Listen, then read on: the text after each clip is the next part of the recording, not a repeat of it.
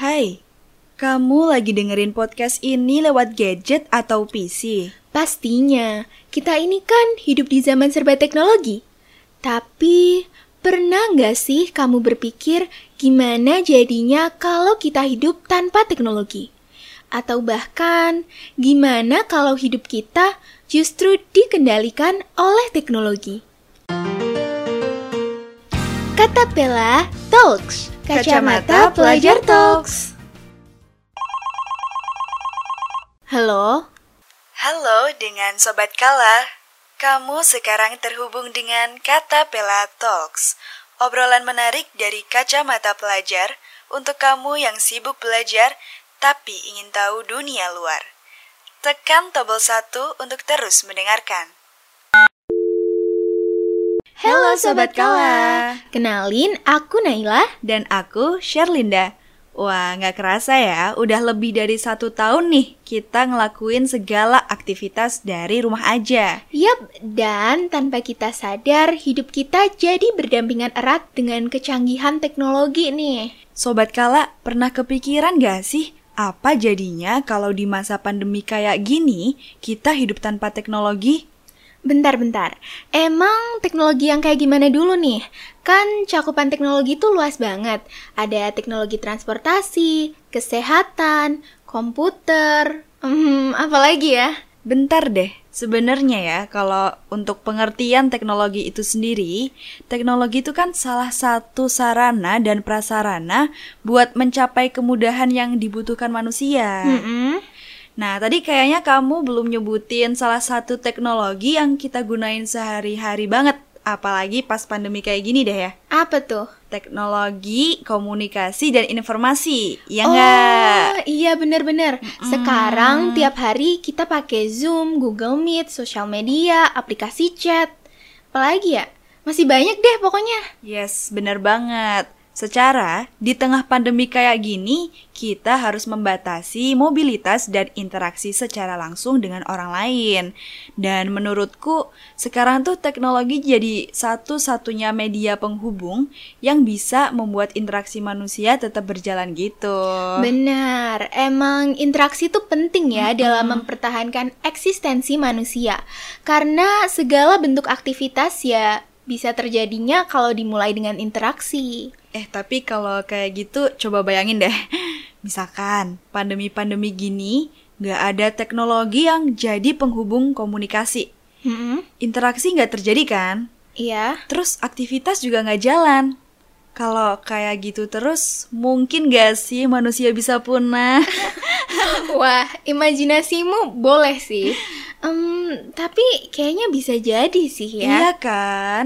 Soalnya interaksi itu merupakan suatu keharusan gitu biar proses sosial dalam kehidupan manusia bisa terwujud. Hmm, Selain itu, dalam semua sektor pasti melibatkan adanya interaksi antar manusia kan? Iya.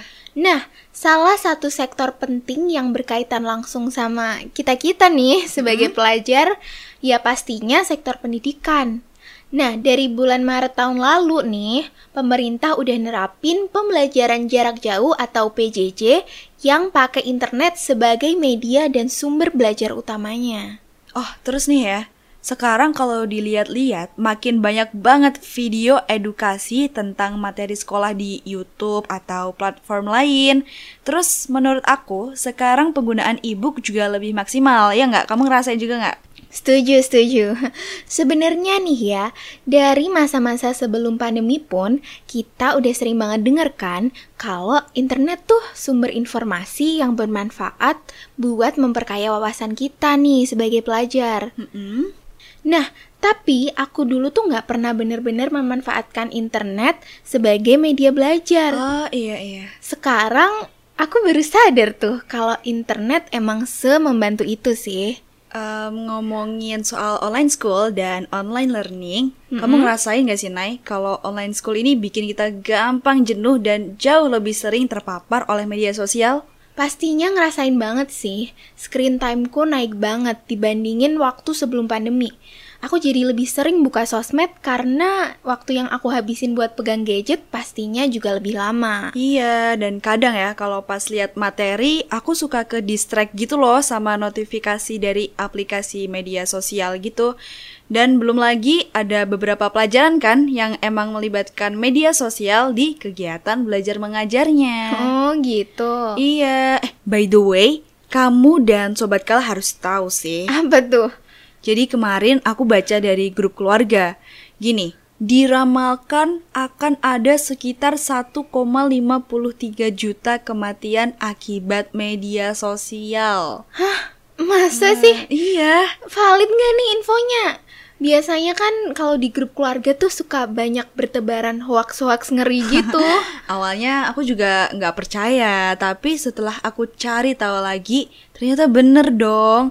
WHO sendiri yang memperkirakan kasus kematian akibat media sosial ini benar-benar bisa kejadian dalam jumlah besar. Wah. Lebih ngerinya lagi ya, yang mendominasi kasus kematian ini dari kalangan remaja kayak kita gini, Nay. Wah, serem juga ya. Apalagi remaja kan emang secara emosional belum stabil nih. Jadi emang lebih rentan gitu. Kita kan cenderung pengennya menunjukkan eksistensi di media sosial nih. Benar. Kayak semacam mengejar kesempurnaan yang sebenarnya nggak mungkin terjadi gitu. Wah. Hal-hal kayak gini nih yang memicu obsesi, stres, bahkan bisa sampai depresi loh. Nah, buat sobat kala yang masih terpaku banget dengan media sosial, coba kurangin pelan-pelan deh ya. Bener-bener. Karena media sosial ini kan awalnya dibuat untuk menghubungkan, bukan menjatuhkan satu sama lain. Nice. Lagian media sosial masih nyimpen banyak dampak positif kok. Salah satunya, sekarang banyak bisnis berkembang lewat medsos yang mempermudah kita, terutama pas pandemi kayak gini. By the way, aku jadi GoFood mulu kerjaannya. Oh, sama aja sih ya sebenarnya. Tapi em, nggak cuma medsos aja loh, Nay. Teknologi lain tuh juga mempermudah kehidupan sehari-hari banget. Oh iya, Iya, apalagi pas masa pandemi kayak gini. Kalau aku sih paling suka fitur Google Home, tahu kan? Yang tinggal ngomong, "Oke Google," terus kerjaan rumah udah beres semua. oh, tahu tahu tahu. Iya, jadi tuh ya kalau aku mau matiin lampu bisa. Aku mau nyapu tinggal pakai alat robot penyapu itu. Terus si Google Home ini juga bisa diajak ngobrol gitu. Jadi hidup serasa gampang banget jadinya. Keren sih, tapi kalau semua-semua digantiin sama teknologi, terus nasib manusia gimana dong? Apalagi sekarang kan ada AI, Artificial Intelligence, si kecerdasan buatan yang keren banget itu. Apa kita udah nggak dibutuhin lagi ya? Waduh, kalau sampai nggak dibutuhin lagi, jangan dong ya. Mau bagaimanapun itu, kita nggak boleh terlena akan kemudahan teknologi. Kita nggak mau kan sekedar jadi alat untuk alat yang kita ciptain sendiri. Alat yang diciptain manusia, tapi juga bisa memakan manusia itu sendiri istilahnya. Wah, bener sih. Tujuan awal dibuatnya teknologi kan untuk mempermudah manusia. Bukan berarti kita menyerahkan semuanya ke robot dan mendewakan kecanggihan teknologi. Kalau kata Bapak Christian L, ceilah, keren banget dah gue. Sang sejarawan dan ilmuwan Norwegia sih, technology is a useful servant but a dangerous master. Wah, keren sih kutipannya. Tapi iya ya, kalau mendewakan tuh kesannya nganggep semua yang berasal dari teknologi itu sendiri udah pasti baik dan benar gitu. Padahal kan ya nggak juga. Malah di era digital kayak gini, hoax makin mudah nyebarnya. Betul? Betul banget. Lagian, hoax kan biasanya pakai bahasa yang provokatif dan persuasif tuh.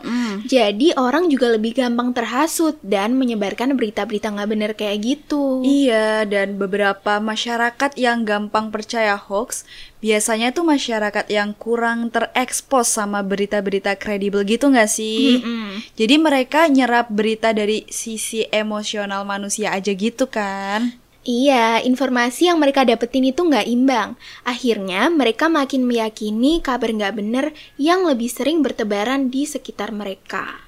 Nah, karena aku juga manusia biasa nih, yang berkemungkinan kemakan berita hoax. Gimana tuh?